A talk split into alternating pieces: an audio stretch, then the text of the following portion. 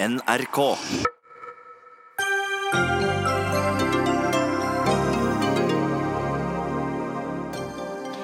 Den nye planlagte kraftkabelen fra Norge til Skottland splitter både regjering og opposisjon. Må vi velge mellom et grønnere Europa og egen strømpris? Om et halvt døgns tid åpner valglokalene i Storbritannia. Britene står foran et av de mest avgjørende valg på mange generasjoner, nok en gang. TV 2-programmet Bak fasaden kom slettes ikke bak fasaden da de dekket religiøse miljøer, mener avisen Vårt Land. Og får du det verre eller bedre når du går til psykologen? Vel, to psykologer i Dagsnytt 18 er uenige om nettopp det.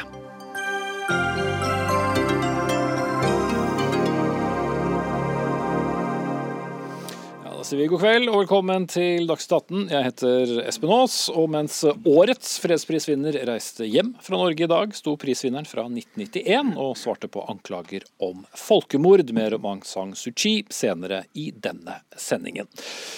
Men vi skal eh, starte med å diskutere den eh, planlagte kraftkabelen fra Norge til Skottland, for der er det mye debatt. Norsk ren energi til utlandet kan gjøre Europa grønnere, men det kan også bety økte strømpriser både for oss kunder og industrien i Norge. I går konkluderte altså NVE med at den omstridte utenlandskabelen NorthConnect vil gi et samfunnsøkonomisk overskudd. Og det betyr vel at det bare er å begynne byggingen av denne kabelen som regjeringen ønsker, eller hva? Hans Andreas Limi, du er parlamentarisk leder i Frp. Eller du rykket vel egentlig ut til VG og sa nei? Ja, det gjorde jeg, og det er fordi at nå har vi fått vurderingen til NVE. Det har vært mye diskusjon tidligere om denne kabelen. Nå foreligger det en grundig vurdering. Og det den vurderingen bl.a. viser, er at eh, byggingen av NorthConnect vil føre til høyere strømpriser for eh, forbrukere og industrien i Norge. Er da Eh, stortings-Frp uenig med regjerings-Frp? Nå er ikke saken behandlet i regjering. Eh, Det er levert en eh, utredning fra NVE til eh, departementet, og så skal jo dette ut på en ganske bred og omfattende høring. Så den endelige beslutningen er ikke tatt, men vi mente det var riktig nå, i lys av den vurderingen fra NVE, å markere et tydelig standpunkt i saken.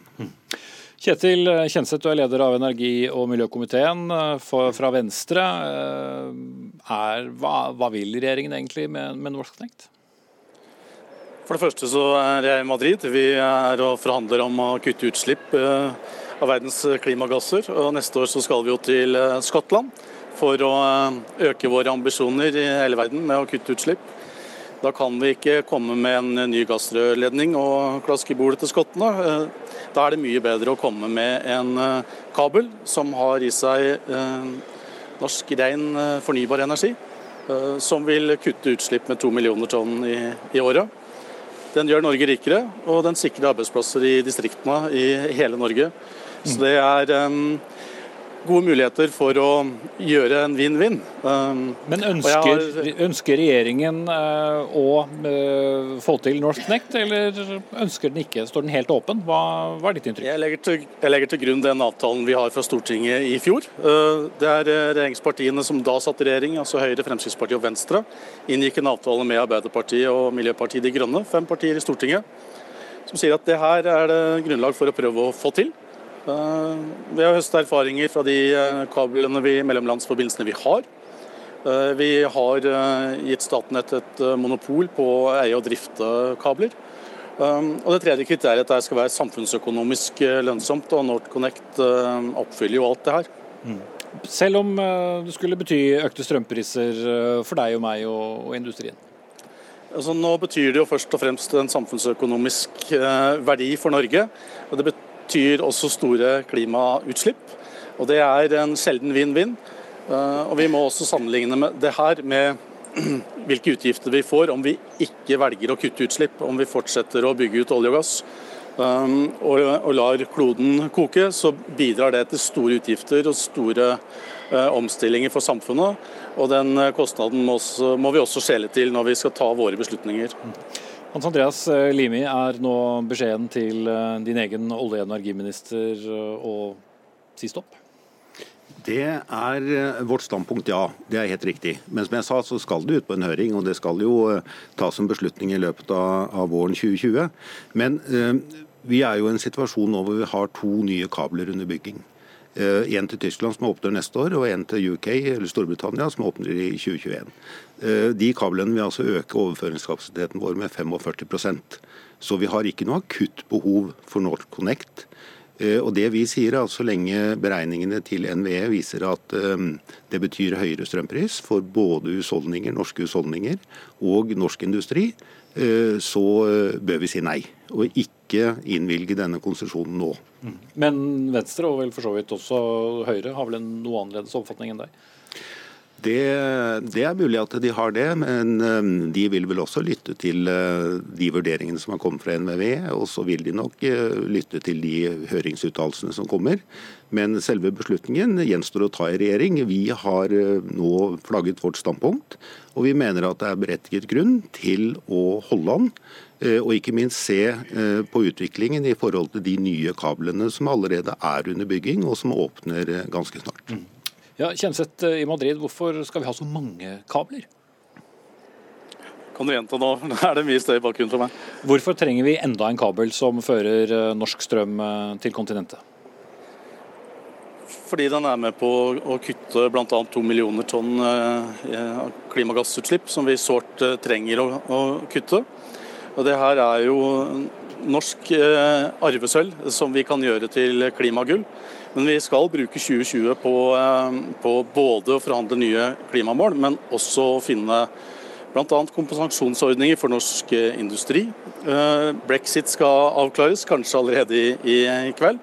Og det skal være en høringsrunde blant, blant instanser i Norge. Så vi, vi, som Limi sier, ikke, det er ikke i dag eller før jul denne beslutningen skal tas. Så vi har 2020 på å, å skape et godt kompromiss.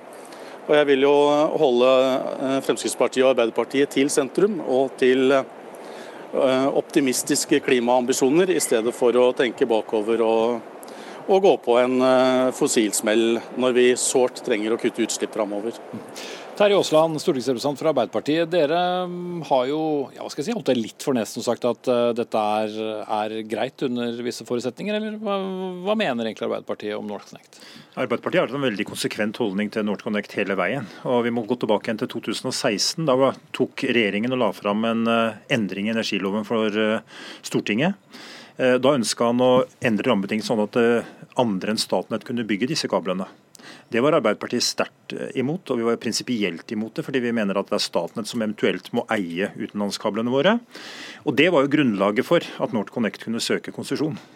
Så det, Den åpningen burde jo aldri vært gitt, eh, og det har Arbeiderpartiet vært tydelig på hele tida. Så vi er veldig klare på at eh, utenlandsforbindelser skal ikke settes i verk nå. Det skal være Statnett som eier de. Og Det må tjene også det norske samfunnet. I noe av det som er avtalen på Stortinget, så står det bl.a. at uh, norsk kraftproduksjon skal bidra til økt verdiskaping og sysselsetting i Norge. Og jeg synes Limi argumenterer godt for at det er uh, spekulasjoner om det knytta til den analysen som NVE har gjort. Tvert om, en øker strømprisene, utsetter industrien for fare, og en øker også kanskje strømprisen til, til befolkningen.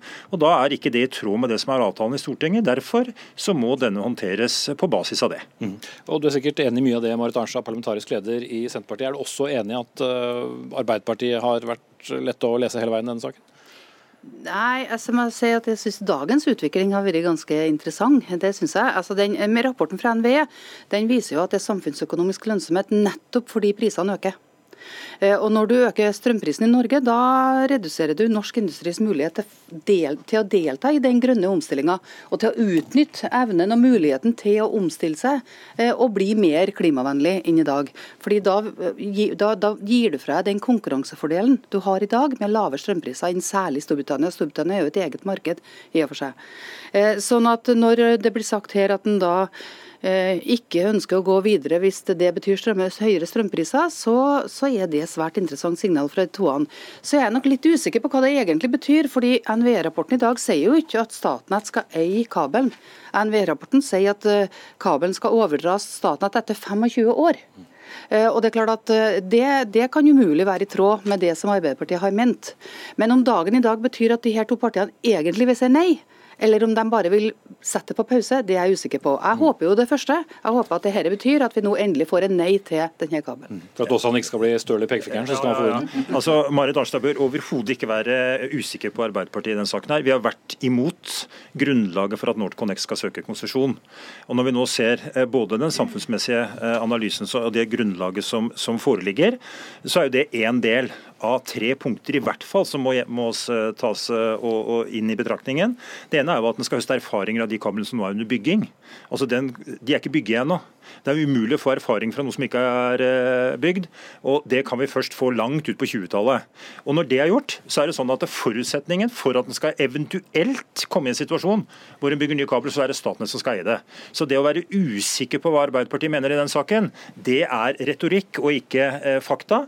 Vi er veldig tydelige på at den kabelen, sånn som den nå ligger, skal ikke bygges. Mm. Men da blir den ikke bygget, da? Da blir den ikke bygget. Og Det er det som er avtalen med regjeringen også. Eh, og Vi brukte jo den her momentet vi hadde, fordi at vi så at regjeringen gikk en annen vei i energipolitikken enn det Arbeiderpartiet ønska og Senterpartiet ønska.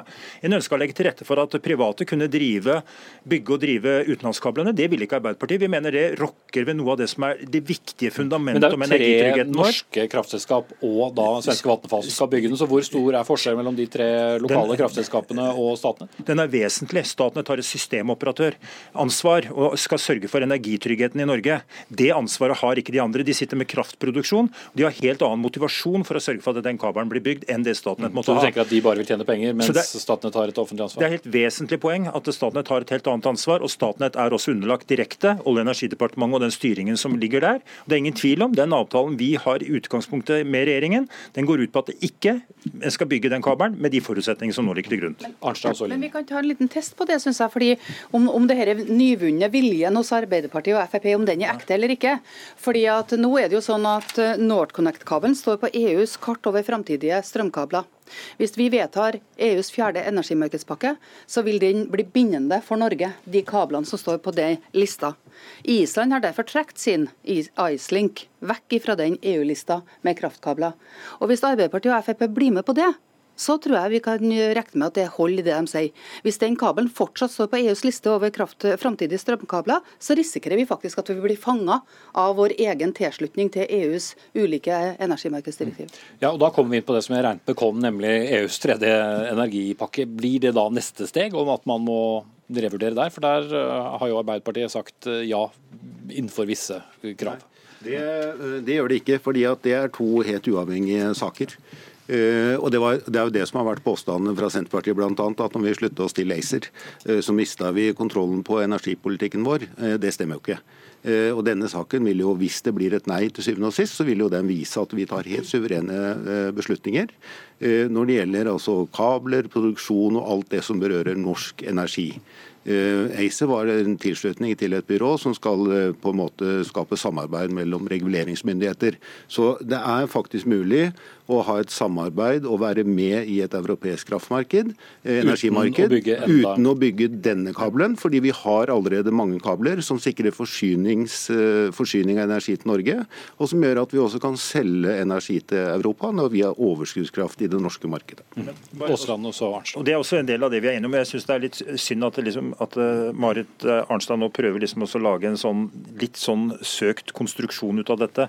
I den avtalen som vi har inngått, så står det veldig tydelig at enhver avgjørelse knytta til, til, til, jeg skal referere, norske myndigheter skal ha full styring og kontroll over alle avgjørelser med betydning for energisikkerheten i Norge. Og Hvis ikke kraftkabler, kraftsituasjon, kraftproduksjon og vår tilknytning til markedene, eh, hvis ikke det omhandler kraftenergitryggheten, så vet ikke jeg. Altså, Vi skal ha full styring, det er forutsetningen. Og det er forutsetningen også for Arbeiderpartiet. Men jeg snakker ikke om den tredje energimarkedspakken, nå jeg snakker om den fjerde. Den som er vedtatt i EU, men som vi fortsatt ikke har behandla. Ja, men... Eh, og der er det en klausul som heter at dem som da står på EUs liste over framtidige strømkabler, der blir landene bundet. Island har derfor trukket sin kabel fra den lista. Og Spørsmålet mitt er de her, dere to partiene villige til å gjøre det når den kommer til behandling i Norge? Det er spørsmålet, for det blir en syretest på om det de nå gjør, egentlig bare er en sånn taktisk utsettelse, eller om de egentlig mener det. Kan svare kort på det, begge to. Altså Forutsetningen er at hvis, den, hvis det er sånn at vi kommer i en situasjon hvor noen overtar styringa eller den suvereniteten, så skal det trekkes. Det er konsekvensen av det som er avtalen. Og det er du enig, Limi? Det er jeg helt enig i. Og Hele utgangspunktet er at vi har faktisk ikke behov for den kabelen per i dag. Eh, og Da mener vi at det er unødvendig å bygge den, fordi at den vil føre til økte strømpriser i Norge for husholdninger og norsk industri, og det må vi unngå nå. Mm. Ja, Kjenseth, du var litt i utakt med de tre andre, i hvert fall på en del av punktene. Hva skal Venstre gjøre nå for å, å kjempe gjennom synet? Ja, som sagt, vi, vi, har god tid i 2020 på å finne gode kompromisser her på både kompensasjon for industrien, på kraftkrevende industri, på, på CO2. Eh, vi skal eh, altså heve ambisjonene for å kutte klimautslippet i Norge. Eh, og det her er Eh, er en start på en diskusjon som, eh, som kommer til å drøye langt innover i, i, 2020. Det er ikke noe tvil om den avtalen vi har. Vi skal høste erfaringer. Statnett har allerede fått monopol på eie og drifte. Men kommuner og, og fylker eh, og, og, statlige selskaper som Vattenfall og Statkraft, som er medeiere i de kommunale kraftverkene det her, energiselskapene det er snakk om, de har jo fått en initiativrett til å til å kunne eh, etablere eh, mellomlandsforbindelser. Okay. Den retten syns jeg at de skal eh, få ha. Og så får vi vurdere, for det er åpenbart og det er som Arnstad sier, at det er, vi bestemmer det sjøl når vi vil bygge kabler. Mm. Ok, eh, Det høres ut som diskusjonen kan bli kortere enn det du antyder. Men takk skal du ha, Kjetil Kjenseth, leder av energi- og miljøkomiteen for Venstre. Hans Andreas Lime, parlamentarisk leder i Fremskrittspartiet. Marit Arnstad, parlamentarisk leder i Senterpartiet. Og Terje Aasland, stortingsrepresentant fra Arbeiderpartiet. Men vi gir oss ikke helt med kabel-TV, skal vi si det. Eh, for vi skal eh, snakke litt mer om denne striden som er rundt disse kraftkablene. Astrid Mæland, du er kommentator i VG. Det som nå kommer frem med det ganske klare nei-et fra Fremskrittspartiet, hvordan tolker du det? Ja, Har dere spurt eh, regjerings-Frp og har dere spurt Høyre om å komme hit? Det er vel dem som sitter på nøkkelen her. Håpet til kraftbransjen er vel at Høyre skal gå inn for den kabelen, og Høyre har sikkert litt lyst til det. Eh, og så vet jeg ikke hvor, eh, i hvor grad Limi har avklart sin kronikk i VG i går, altså der han sa nei med en gang, med, med energiministeren vår Freiberg, mm. som nå er fra Frp. da. Du har kalt det en politisk håndgranat. Det er i hvert fall kabelkrøll, og det legger det an til å bli eh, utover våren òg, tenker jeg. fordi nå skal jo denne eh, saken på høring, og energiministeren han gruer seg sikkert til å si både ja og nei, for det blir bråk uansett hva han sier. Eh, og så Det kan jo kanskje ta år og dag før den høringa oppsummeres, det vet vi ikke. De har jo allerede utsatt den, de ville ikke ha den i valgkampen i fjor, regjeringa, for det ble for vanskelig for dem, så da utsatte de det da. De kan jo utsette den enda en gang. Men sånn som det ligger an nå, så ser det jo ganske vanskelig ut politisk politisk. LO er imot, deler av NHO er til imot, eh, hele opposisjonen, deler av regjeringa. Så akkurat nå så legger det ikke noe særlig godt an for å få noe ja til den kabelen. Mm. Og Hver gang vi snakker om både den kabelen og for så vidt da eh, eksport av norsk kraft til utlandet, så er det et voldsomt engasjement. Hva er det som gjør at nettopp dette eh, skaper så mye politisk engasjement? Ja, her sitter jo representanter både fra Senterpartiet og Frp som har vært gledelig delt ut kabler til konsesjoner til fete, store utenlandskabler tidligere. Og tidligere så tenkte jo Senterpartiet bl.a. på sine velgere som er grunneiere, som kjente godt på at kraftprisen gikk opp, småkrafteierne. Og Frp var jo som eh, de alltid er markedsliberalister og ønska å selge kraft, eh, sånn som eh, Norge gjør med gass, med olje, ønska å tjene penger. Og det er jo det den NVE-rapporten egentlig sier òg. Den sier ingenting om klima. De har ikke vurdert klimagevinst i det hele tatt. Det sier kun at Norge tjener penger hvis vi bygger den kabelen og selger kraft til Europa. Eh, så her har jo noe skjedd da i mellomtida, og det tror jeg er fordi at EU eh, e har blitt kobla på. Eh, vindmøllemotstand har blitt kobla på. Det å bygge en kraftkabel til utlandet får så mange implikasjoner. Det betyr kanskje at vi må bygge flere vindmøller, og det betyr kanskje at vi, noen tenker at vi knytter oss tettere til Europa. Sånn at Sist regjeringa sa ja til kabel, så var det ikke noe annet, det var ikke snakk om EU og alle de her andre kranglesakene. Da var det vanskelig da òg, men det var lettere. Hm. Vi får se hvordan det går. Foreløpig ser det kanskje ikke så lyst ut for den kabelen som du sier, men eh, det er langt igjen ennå. Takk skal du ha, Astrid Mæland fra VG. Dagsnytt 18 alle hverdager kl. 18.00 på NRK P2 og NRK2.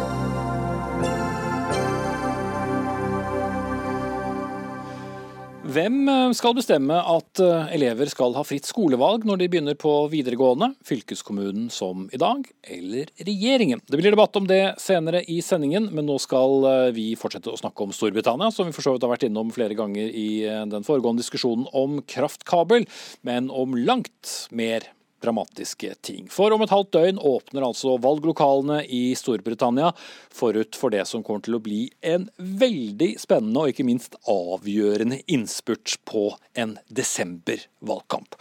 For sittende statsminister Boris Johnson og hans konservative regjering så handler nå alt om å sikre seg et stort nok flertall i eh, det britiske underhuset, slik at de kan gjennomføre brexit innen utgaven utgangen av januar. For mye av opposisjonen handler det om å stanse dagens brexit, og aller helst jage Boris Johnson ut av Downing Street nummer ti. Og Vi skal eh, til både London og Glasgow, men vi starter i London. og deg, førstelektor ved Universitetet i Agder, Jan Erik eh, Mustad. Vi vet fra de siste valgene og brexit-avstemningen at meningsmålinger sjelden stemmer med resultat, men det er likevel blitt gjort en del ganske omfattende målinger nå. Hvilke scenarioer har vi? Nei, nå har vel YouGov, som det meningsmålingsbyrået som har truffet best da, eh, blant de eh, byråene som, eh, som, tar meningsmålinger her borte, kommet med en rekke nokså omfattende målinger, som du nevnte. Og Den siste spriker egentlig ganske bra. Den, den viser at forspranget til Boris Johnson og de konservative er dramatisk gått ned. Eh, så det er et mindre forsprang dagen før valget enn det det har vært tidligere. Nå er ikke dette noe unormalt, det ser vi ofte i valg. At når det begynner å nærme seg valgdagen, så er de som blir spurt i disse målingene klarere i sine preferanser. Eh, så nå ligger det kanskje an til det ene scenarioet at eh, Boris Johnson og de konservative får et lite flertall. Og det andre scenarioet som det kanskje har blitt skrevet mest om i dag, er jo at vi fortsetter med dette hung parliament, som da er et underhus hvor ingen av de to store partiene får flertall. Mm. Ved forrige parlamentsvalg i, i, 2017, de kom jo tett som hagl for tiden, så mistet uh, Theresa May flertallet som hennes forgjenger David Cameron uh, overraskende fikk da i, i, 2015. Men hva er det som skulle tilsi at Boris Johnson nå ikke skulle sikre seg uh, et flertall? Hva, hva, hva spøker? Jeg synes valgkampen til Boris Johnson har vært eh, ganske flat, ganske kjedelig og ganske forutsigbar. Han har ikke tatt den risikoen som vi kanskje forventa at en eh, politiker à la Boris Johnson skulle gjøre. Jeg synes han har tatt lite risiko i forhold til de velgerne han har kanskje trengt for å få et komfortabelt flertall et flertall på en 30-40 mandater i Underhuset. Så det har vært en, en nokså kjedelig valgkamp fra de konservative side. Eh, og Det gjør kanskje at folk tenker seg nøyere gjennom hva de vil stemme i morgen. For her ligger jo dette brexit-spøkelset i bakgrunnen. Og folk må rett og slett bestemme seg for sin brexit-preferanse eh, før de bestemmer seg for hvilket parti de skal stemme på i den valgkretsen eh, de går og stemmer. Så det er flere prioriteringer de er nødt til å gjøre. Så det kan være én grunn til at folk er mer i tvil nå, dagen før valget, hvilket parti de skal støtte, om de skal støtte de konservative eller ikke, enn det det var for en uke eller to siden. Mm. Eh, Storbritannia består jo som kjent av eh, fire land. I England og Wales eh, stemte da i 2016 flertallet for brexit, mens i Nord-Irland og Skottland var flertallet mot å bryte bånd med Europa. Og Europakorrespondent Philip Lote, du er med oss fra Glasgow. Du står ved elven Clyde. Det skotske nasjonalistpartiet SNP, som ligger politisk til venstre, går jo da til valg for å forhindre Johnsons brexit-plan. Men selv om de får alle de skotske setene i parlamentet, så skal det noe til å få stanset eh, Boris Johnson. De må rett og slett eh, få med seg flere partier. Ja, Nicholas Sturgeon har sagt at hun ønsker å gå inn i en, eh, en konstruktiv dialog med Labour og eh, liberaldemokratene eh, for å stanse Boris Johnson og hans brexit dersom eh, det skulle bli et nytt hang parliament, altså hvor eh, ingen partier har flertall i Underhuset. noen målinger, de målingene som ble gjort i går av Yuga, viser jo at SNP, partiet som da Sturgeon leder, kan få 40 40 seter av de 59 setene som Skottland har i Underhuset. Det er da opp fra 35 som de har i dag. Eh, og Noen målinger til og med viser at de kan få så mange som 50, men da har jo den tidligere lederen for det, eller det skotske konservative partiet sagt at da skal hun kle av seg naken og svømme i Loch Ness hvis de får så mange. Eh, så det er, eh, så det er vel også sett fra SMP, de skotske nasjonalistenes side, vel ambisiøst. Men det er helt klart at hvis det blir et Eh, parlament, et underhus, hvor ingen får et rent flertall, så ligger det et ganske stort ansvar på Nicolai Sturgeon faktisk, eh, å prøve å hjelpe da Labour og Liberals, og at de sammen skal eh, vinne tillit og kunne gi Storbritannia en form for retning dersom Boris Johnson ikke får det flertallet han trenger for å gjennomføre brexit, som da han går til valg på. Mm. Labour-leder Jeremy Corbyn har jo da hatt valgkampturné nå i innspurten i eh, Skottland. Eh, hvordan har det gått? Corbyn var her på andre siden av elven i dag tidlig i tradisjonelle Labour-stemmende strøk, arbeiderklassestrøk, der hvor de gamle skipsverftene lå før de ble stengt, og snakket om å bekjempe fattigdom, om å snakke om å bekjempe den type uh, favorisering av rike som, uh, som, han mener Boris Johnson står for. Så det er noe som skaper god gjenklang i disse delene av Glasgow og disse delene av Skottland. Og han kommer til å bruke mye tid både her i Skottland og Nord-England nå i innspurten.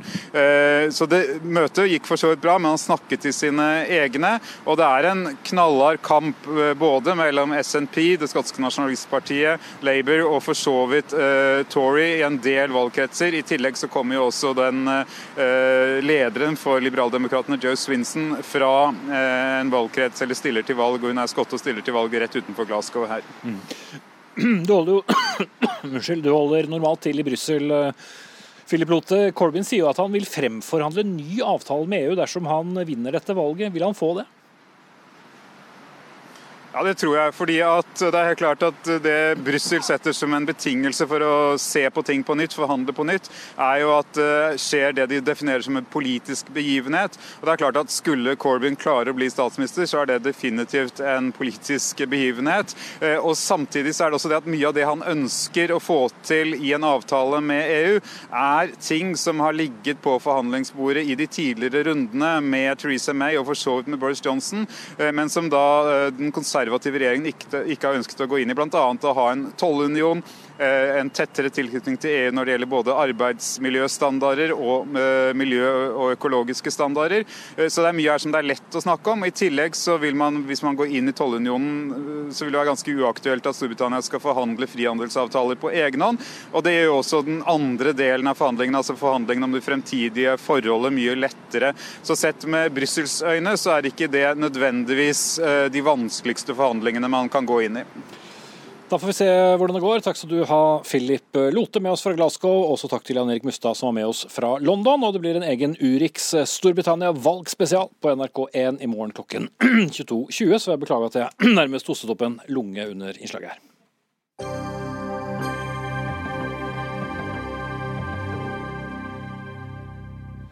Det koker i Skole-Norge etter regjeringens forslag om innføring av fritt skolevalg over hele landet, som har vært ute på høring i høst. I dag er det fylkene selv som bestemmer om det skal være et fritt skolevalg. Elever som får elever som skal eh, gå til videregående skole, men nå vil regjeringen altså at det skal være et fritt valg i alle fylker, uavhengig av hva fylkene selv måtte mene. Lærerne og elevenes organisasjoner har vært kritiske til forslaget, men høringsfristen eh, har noen millimeter igjen. Den går ut ved nyttår år. Inga Marte Torkelsen, du er byråd for oppvekst og kunnskap i Oslo for eh, SV. Og du sa nylig at skoler som sliter, vil slite enda mer når fylkene innfører fritt skolevalg. Eh, hvorfor går det utover skolene? Ja, man kan jo lese Klassekampen i dag f.eks. Da erfaringene fra Telemark, som har vært at den modellen de har valgt, den har jo fungert veldig bra for dem. Ved at de da har, eh, altså flere elever har fått velge den skolen de ønsker å gå på, en høyere andel elever, og det er flere som fullfører og består. Men nå skal da regjeringa tvinge en løsning nedover huene på det nye fylket, Telemark og Vestfold, som de ikke vil ha. I Oslo så har vi jo karakterbasert inntak, og jeg vil virkelig insistere på at det er det det heter, ikke fritt skolevalg. Det er en ideologisk betegnelse.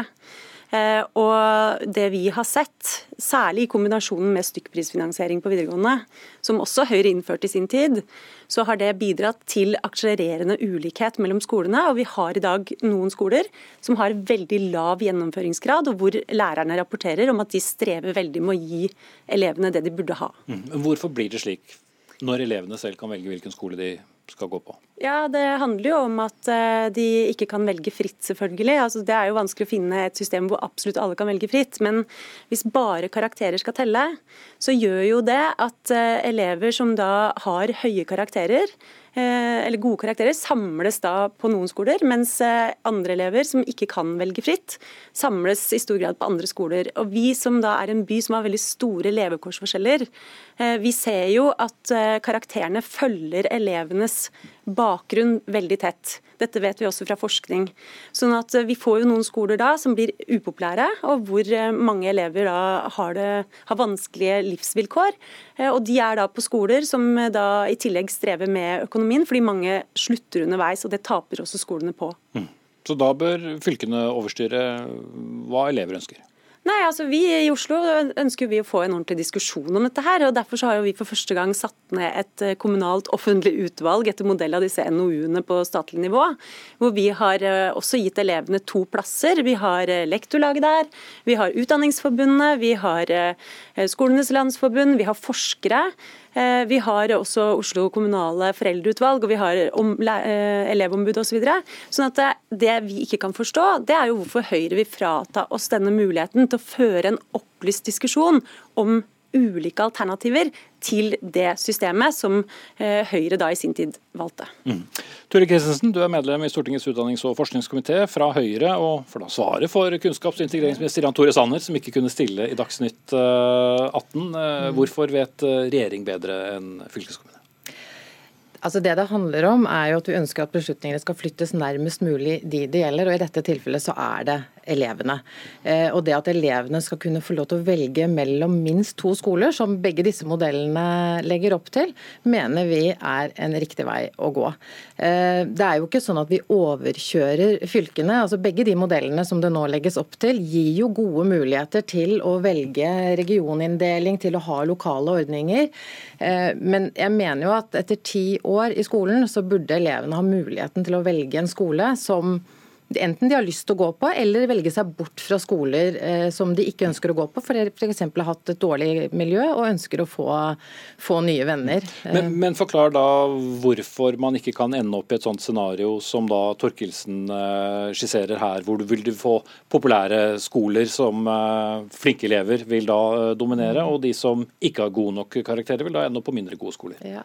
Altså, det er klart det er, det er ingen system som er perfekte, og fritt skolevalg kan nok føre til at noen skoler får et overvekt av elever med høye karakterer og ikke. Men så er det jo ikke sånn at det er elevenes valg som, til, som avgjør om du får en god skole eller ikke. Det er jo politikerne som da har et ansvar for å sørge for at alle skolene blir gode, eventuelt sette inn tiltak på de skolene som, som sliter. Og Vi har jo sett mange eksempler på at skoler har klart å snu en trend og bli bedre, og også bli, få en mer eh, jevn fordeling blant elevene.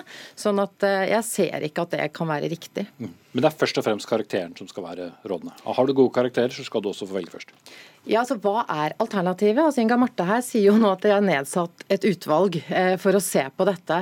Men jeg kan jo bare ikke forstå at de alternativene som det utvalget nå har lagt frem, eller skal legge frem, som de sier at de jobber med, og jeg vet at dere ikke har konkludert ennå, men altså et system basert på loddtrekning eller kvoter, hvor eh, de 10% med dårligst karakterer skal få velge. Du trenger faktisk ikke et utvalg for å se at det er et dårligere alternativ enn eh, et et, et system hvor eh, egeninnsats kan være med å påvirke. Det de legger opp til, det blir jo mer at det er hvor foreldrene bor som avgjør hvor du skal gå. Så jeg kunne godt tenke meg å høre med Inga Marte om hun kan garantere at de ikke vil gå for nettopp dette med loddtrekning eller kvotering av de med dårligst karakter, og de skal få velge først. For det er jo i hvert fall urettferdig. Jeg synes at Dette er å snu debatten helt på hodet. For Det eneste vi ber om, det er å få lov til å få en ordentlig prosess hvor vi kan vurdere de forslagene som snart kommer på bordet, men som ikke har kommet på bordet ennå. Eh, vi har altså et utvalg bestående av meget dyktige mennesker som bidrar til en opplyst debatt, som kjører simuleringer på modeller som vi aldri har gjort før. Altså Dette er skikkelig virkelig spennende forskning og helt nybrottsarbeid. Eh, og da En måned før de skal legge fram sine vurderinger, så kommer Høyre og sier nei, det skal dere ikke få lov til å vurdere engang. Vi skal ikke engang få lov til å ha debatten. Selv om også Høyre er enig i at vi har noen problemer i Oslo, noen utfordringer i vårt skolesystem og med våre, eh, når det gjelder levekår i Oslo, som vi er nødt til å løse. Men vi skal ikke få lov til å ta diskusjonen. Jeg syns det er så arrogant. og jeg synes det er det er liksom en hån mot kunnskap òg. For vi ønsker jo da å få dette på bordet og få det vurdert. Så hvorfor kan dere ikke bare la oss få lov til det? Jo, dere må gjerne gjennomføre det. Og dette er jo da som sagt ute på høring, og vi er jo selvfølgelig mottagelige fra innspill både fra Oslo ja, er det? Vil dere eventuelt reversere dette forslaget og si at dette her blir ikke noe allikevel? Eh, altså, det vi har lagt ut, er et forslag på to ulike modeller. Lagt ut på høring, så alle kan Nei, la meg bare få fullføre. Ja, ja, ja, unnskyld. Ja. Det var fristende, men ja. Så, ja, men så alle kan, alle kan få lov til å uttale seg om, også Oslo kommune. Eh, og jeg kan ikke peke på at, og si at eh, fritt skolevalg eller karakterbasert opptak nødvendigvis er den perfekte modellen, for den har klart utfordringer. Men de modellene som utvalget ditt sitter og ser på nå, de har mye større utfordringer ved seg ved å basere seg på loddtrekning. og kvotering. det vet ikke du, for jeg vet ikke engang hvilke forslag det er de kommer til å ende opp med til slutt. Så jeg syns det er ganske utrolig at du som sitter da et helt annet sted og ikke kjenner forholdene i Oslo engang, skal vurdere det på den måten. Sentralt ungdomsråd i Oslo, Sentralt ungdomsråd i Oslo de er faktisk de er advarer på det sterkeste mot denne ordninga med karakterbasert inntak. Det er jo elever fra hele Oslo. Så, så, du skal vite bedre enn sentralt ungdomsråd, det syns jeg er ganske utrolig. Eller du eller Høyre da, i regjering. Jeg hadde bare lyst til å fortsette, lyst til å fortsette for jeg ble faktisk avbrutt. Eh, nei, jeg påstår ikke at jeg vet bedre enn alle andre. Men du vet jo også at ved å bruke loddtrekning. Hvordan kan du påstå at det er en mer rettferdig ordning? Nei, men det er de forslagene utvalget ditt faktisk eh, baserer seg på. Og jeg mener at det viktigste er at vi faktisk klarer å sørge for at alle skolene blir gode skoler, og at de som eier skolene, altså fylkene, setter inn de tiltakene som er nødvendige for å løfte de skolene som trenger noe mer. For det vi ikke må gjøre, er å fjerne det insentivet mm. til at elever kan være med å påvirke sin egen situasjon. F.eks. det er en ordning som de vurderer med 10 de 10% med dårlig dårligst karakter, skal få lov til å velge først. Hva med mm. Jens, som okay, har klart å løfte seg til en, tre, en, treer i matte, og da plutselig kommer helt på bunnen? Jeg mm. trenger faktisk ikke et utvalg for å se på akkurat det, men dere må gjerne melde inn ja. det. Og ingen av dere er ferdig konkludert da. Nei. Rita Helgesen, eh, leder i Norsk lektordag. lektorlag. Du mener at det kan bli eh, en del konsekvenser av dette, men hva, hva frykter dere sett fra lærersiden? For det første så har jeg lyst til å si det at det handler ikke bare om hvordan elevene skal eh, søke seg inn, det handler jo også om hva de skal velge, og hvilke muligheter de får, hvilke tilbud de får. Og jeg syns jo det er et uh, tankekors at uh, regjeringen som nå eh, skal gi eh, de nye fylkene mer ansvar og nye oppgaver, overstyrer hva slags inntaksordninger de enkelte fylkene skal ha, uten at jeg skal mene noe om den ene eller den andre måten å gjøre det på. Fordi at dette med inntak og dimensjonering av tilbud i videregående skole, det handler om veldig mye mer enn inntaksmetode, enten det da er karakterbasert eller eh, geografisk basert, eller det er progresjonsbasert, eller det er kvoter, eller det er loddtrekning. Jeg syns dere forenkler det veldig mye. Men hva er det de ikke ser, som du ser? Eh, det jeg ser, det er at det handler om hva er elevene motivert for å begynne på. Og hvordan kan vi bygge opp gode og stabile fagmiljøer på den enkelte skole, som ikke er altfor sårbare i forhold til elevenes valg fra år til år. For det er sånn at eh, en god, eh, kompetent lærer og et godt fagmiljø har svært mye å si for elevenes resultater, og det kan også utjevne sosiale forskjeller. Og da handler det jo også om at jeg er veldig redd for i de nye fylkene nå som eh, kanskje kommer i for økonomiske problemer, så vet vi at i dag, enten man har karakterbasert eller nærskolebasert eh, opptak, så er det 90 av elevene kommer inn på førsteønsket sitt. Og det er bra, fordi at de kommer inn på noe de ønsker seg. Men i et fylke med dårligere råd, så kan vi faktisk risikere at man bygger ut eh, tilbudet innenfor studiespesialiserende programområder, fordi at det er kanskje halvparten så dyrt som de yrkesfaglige tilbudene. Og så får vi elever inn som ikke har den kompetansen, ikke har de grunnleggende kunnskapene de bør ha for å gjennomføre. Og så risikerer vi rett og slett strukturell mobbing når vi tar inn elever som egentlig ikke har ønsket seg det, og som ikke har de forutsetningene de bør ha for å klare å gjennomføre. Mm. Må dessverre sette strek der. Jeg skjønner ja. du har sikkert veldig lyst til å, ja, å svare på det, og det hadde forstått jeg jo, men uh, slik er det. Uh, takk skal dere ha alle tre. Inga Marte Torgelsen, byråd for oppvekst og kunnskap i Oslo. Ture Christensen, stortingsrepresentant for Høyre. Og Rita Helgesen, leder i Norsk Lektorlag. Hør Dagsnytt 18 når du vil. Radio NRK Radio.nrk.no.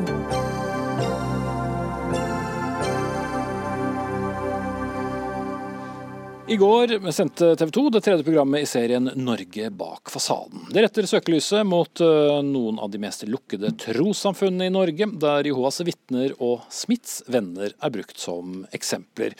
Og det gikk ikke så bra, skriver du i en kommentar i Vårt Land i dag. Alf Jøsund, redaktør for Religion. Kom det ikke bak fasaden? Eh, jeg syns jo mye i programmet var bra. Det var faktisk mye eh, veldig sterkt som gjorde inntrykk. Eh, særlig i den delen som handlet om eh, møte med avhoppere fra Jehovas vitner. Mm. Men hva gikk galt, da? Men Den delen som handlet om Brunstad Christian Church, eller Smiths venner som, som de heter på folkemunne, den syns jeg var for tynn. Fordi? Det var rett og slett ingenting nytt. Det var ingenting med substans. Det var en gjentagelse av ting som de aller fleste har skrevet om i mange år, at det er mye pengefokus i menigheten, og at det er mye eh, dugnad. Eh, og så handlet det aller mest om det at de ikke fikk folk til å uttale seg. Når du ser på omstendighetene rundt, altså Det ble brukt som bevis på at BCC er et veldig lukket trossamfunn. Men hvis du ser på omstendighetene rundt BCC, programmet altså. Ja, det er smittsvenner. Eh, når du ser på omstendighetene rundt programmet, så er det ganske forståelig at de ikke ville uttale seg. Altså, det er jo noe som vi opplever når vi intervjuer kristne hele tiden, og det er kanskje enda mer i BCC, som har vært et lukket trossamfunn. Det de åpner om selv også at de har vært, men som er på en måte på vei ut i, i offentligheten og åpenheten nå. Og så er de ekstra mistenksomme. og Når du da får en programbeskrivelse som eh, altså De skal kaste lys over sprekken i den norske fasaden og, og ta deg med bak eh, lukkede, eh, eller inn i lukkede miljøer. Da blir de skeptiske. Det kan jeg forstå. Og jeg ville tenke at det hadde vært mer skvært når man fikk såpass lite substansielt å legge temaet til side. Ja, så du skulle lage programmet, rett og slett. Kadafi Saman, eh, journalist i TV 2, en av to programskapere her. Eh, vurderte dere det? Jeg syns det er utrolig å høre på. Det virker som kommentatoren i Vårt Land er den som fikk henvendelsen fra TV 2. Vi var første gang i kontakt med Smiths venner i oktober i fjor, eh, og sa at vi ville inn altså i menigheten deres, snakke med medlemmer, eh, være med på dugnader, ha en åpen dialog. Eh, og la ikke skjul på at dette er en undersøkende, nysgjerrig dokumentarserie. Vi fikk nei. Eh, vi la fram en konkret liste, fikk nei. Og vi har vel aldri i løpet av denne dokumentarserien opplevd så mye motstand som i arbeidet med smittsvenner.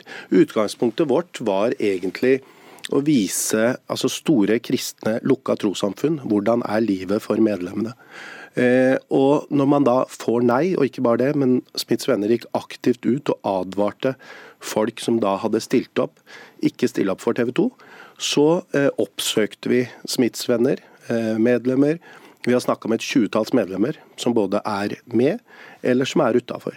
Og de fortalte rystende ting. Altså De fortalte om pengepress, dugnadspress, MyShare-app. Eh, masse rart som helt sikkert er kjent for vårt land og andre kristne, men for oss så var ikke det kjent. I tillegg, bare for å fullføre det, så var det da andre ting eh, i andre kristne menigheter. Eh, selvmordsforsøk, angst, depresjon. Hundrevis av mennesker som hvert år ta kontakt med organisasjonen Hjelpekilden for å komme seg ut. Dette var da eh, det eh, som ble programmet til slutt. Mm. Og Det hadde vært annerledes hvis Smiths venner hadde sagt ja til å være med. Vi har da snakket med Berit Hustad Nilsen, som er styreleder i det som heter Brunstad Christian Church, eller BCCL Smiths venner om dere vil. da. Hun sier til oss at de opplevde at dere hadde bestemt historien på forhånd, og at de derfor ikke ville bli fremstilt som et lukket og kriminelt eh, miljø, siden de ser på seg selv som et moderne og sunt kirkesamfunn. Bare så det er sagt. Men kom du da bak fasaden? Ja, jeg kan jo bare sitere kjapt på hva, eh, hva eh, Berit, altså Smiths venner, sa til oss i første runde. Og det var at de følte at dette ikke var definert nok. Men Eh, la det ligge død. Vi prøvde iallfall i ett år å få Smiths venner i tale. Men du kom likevel bak fasaden selv ja, om du ikke kom Jeg føler at de tjuetalls eh, menneskene vi har prata med som har fortalt om livet, er Altså, Det er så sjokkerende. De er livredde for å stå fram med sine historier. Det er folk som sender meldinger nå, som gråter. Det har pågått en kildejakt. Eh, Det er folk som har stilt opp, fortalt anonymt, hvor vi har altså, brukt eh, skuespillerstemmer, gitt dem nye klær, men som likevel er redde. Og Det er det dette programmet handler om. Altså, Vi har lukka kristne menigheter i dette landet, hvor medlemmene er så redde. Dette er altså menigheter som mottar statsstøtte. Og jeg syns det er ganske utrolig av vårt land å da stole på den versjonen som eh, Smiths venner har lagt ut på sin nettside, som da er propaganda, enn da å si at vet du hva, her har faktisk TV 2 gjort en jobb med å skape debatt, og sånn sett har vi jo lykkes. Ja, Jøssund, eh, som, som journalist, Ja, journalist selv, man bør jo ikke la seg tie selv om Nei, noen ikke vil svare på spørsmål? Dette er bare tull. Dette, dette handler jo ikke om at vi stoler på den versjonen som de legger fram. Dette handler om at vi selv som avis har gjort kritisk journalistikk på BCC i mange år. Det er det vi har drevet med. Vi holder på med kritisk journalistikk på kristne trossamfunn, både lukkende og åpne. Og vi opplever at de ønsker oss velkommen at vi kommer bak fasaden. Selvsagt er det ikke alle ting de ønsker å snakke om, men det bildet av at de absolutt ikke vil snakke med oss, det er ikke bare vi som har opplevd ikke stemmer. Eh, men veldig mange andre. Og Da lurer jeg på hva som har skjedd i det programmet, siden dere ikke greier det som de fleste andre journalister greier. Å komme inn bak fasaden og få de i tale, og få de til å uttale seg. Og Da syns jeg litt spesielt at det blir selve hovedpoenget, når journalister flest kommer inn bak fasaden. Og Det betyr ikke at BCC altså Jeg har jo selv kritisert dem for å ikke stille opp i dette programmet. Jeg mener det er veldig uklokt. Når man forholder seg til media, så er den klokeste strategien å vise at man har ingenting å skjule, eller så blir det skapt et inntrykk av eh, lukkethet. Men jeg tror at det ville vært mulig å komme bak fasaden, og jeg tror dere rett og slett har gjort noe feil i den, dette programmet siden dere ikke har fått det til. Og bare nå i eh, ditt forsvar her, så forteller du ting som du ikke har fortalt i programmet, og du henviser til mennesker du har snakket med som eh, som, han, eh, som uttalte seg om Jehovas vitner og andre trossamfunn. I selve programmet så var det ingen som uttalte seg om Smiths venner. Vi har, uttalt, vi har intervjuet svært mange utbrytere fra Smiths venner. Vi har ikke problemer med å få dem til å uttale seg. At, at den kristne avisa Vårt Land har tilgang til Smiths venner, det er jo ikke noe overraskelse. Men vi har altså snakket med et tjuetalls mennesker som både er i Smiths venner, forteller om rystende ting.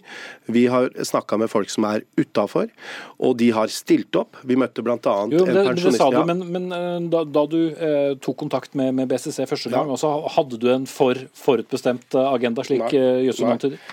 Eh, Vi, jeg kan sitere ordrett. Hvis det er kort. Være hjemme hos en familie som er BCC, snakke om tro.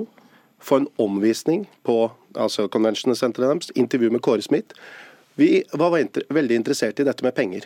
Altså dugnadspress, pengepress. Hvordan har de tjent seg så rike? Hvordan bygger de opp ah, milliard altså, eh, sted eh, i Vestfold? Være med på dugnad. Det var en konkret bestillingsliste som ikke er til å misforstå. Og jeg forstår egentlig ikke hvorfor man ikke snakker mer om lukka kristne menigheter. Det er jo det du Altså Hadde dette vært si muslimske menigheter da, som hadde holdt på sånn, hvor det er selvmordsforsøk, hvor det er depresjon Du kritiserte jo også Jøsund er Jøssund de angst. for stille opp i ditt program. Jo, men altså, hvorfor snakker man ikke mer om det?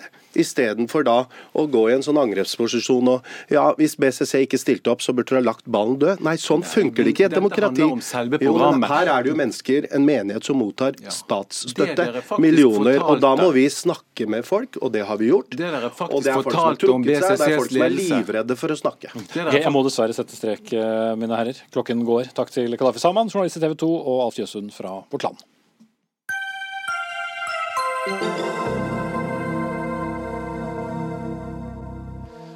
Tidligere i dag forlot eh, en fredsprisvinner Norge for å reise hjem til eh, Etiopia. Nærmest samtidig så var det en annen fredsprisvinner, nemlig Aung San Suu Kyi, som måtte forklare seg om eh, en folkemordssak mot Myanmar. Hun kalte den ufullstendig og ukorrekt, og avviste at hennes hjemland har begått folkemord og etnisk rensing mot den muslimske rohingya-minoriteten da hun var i Den internasjonale domstolen i Haag i dag. Vi skal høre litt. Regrettably, the Gambia has placed before the court an incomplete and misleading factual picture of the situation in Rakhine State in Myanmar. Yet, it is of the utmost importance that the court assess the situation obtaining on the ground in Rakhine dispassionately and accurately.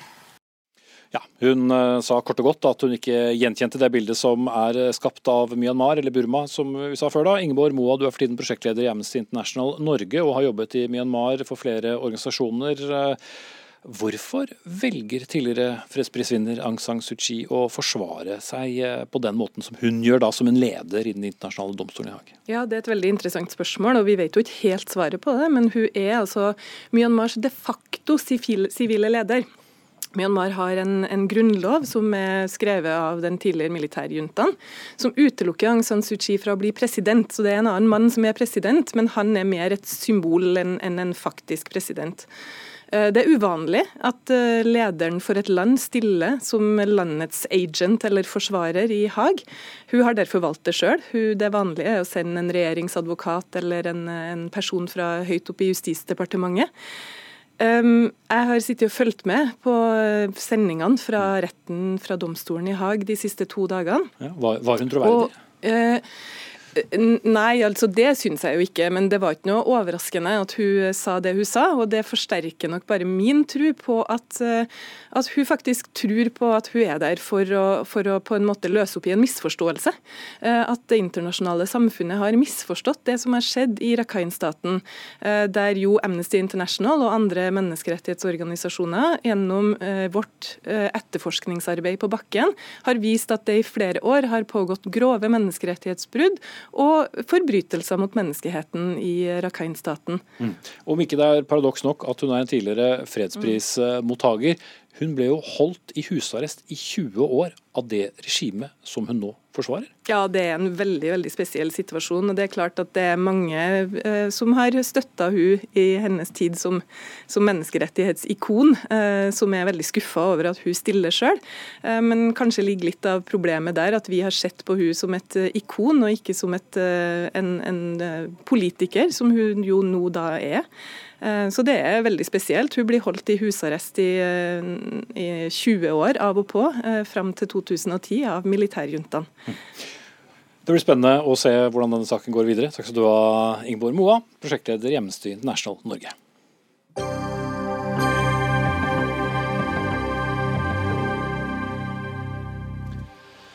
Når man eh, opplever noe vanskelig, skal det være bra å snakke om det, men eh, kanskje ikke alltid. Ifølge boken 'Skadelige samtaler' som kom i november, blir opp mot 15% av pasientene dårligere av å gå til psykolog enn før de begynte i terapi. Og forfatter og praktiserende psykolog eh, Jørgen Flor, hvordan kan man bli sykere av å snakke om problemer?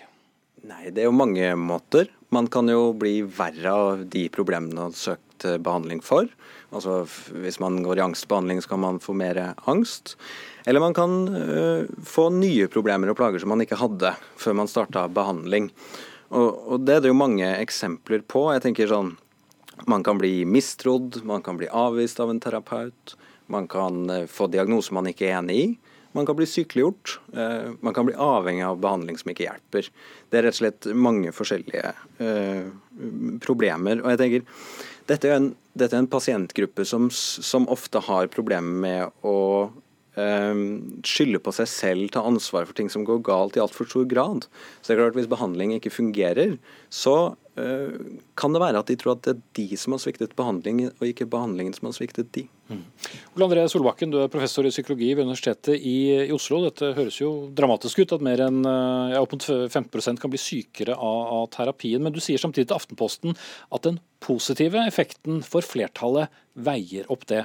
Ja. Så da er det uproblematisk for de 15 Nei. Nei, det er ikke uproblematisk. Nå må vi bare først starte med å se på de tallene.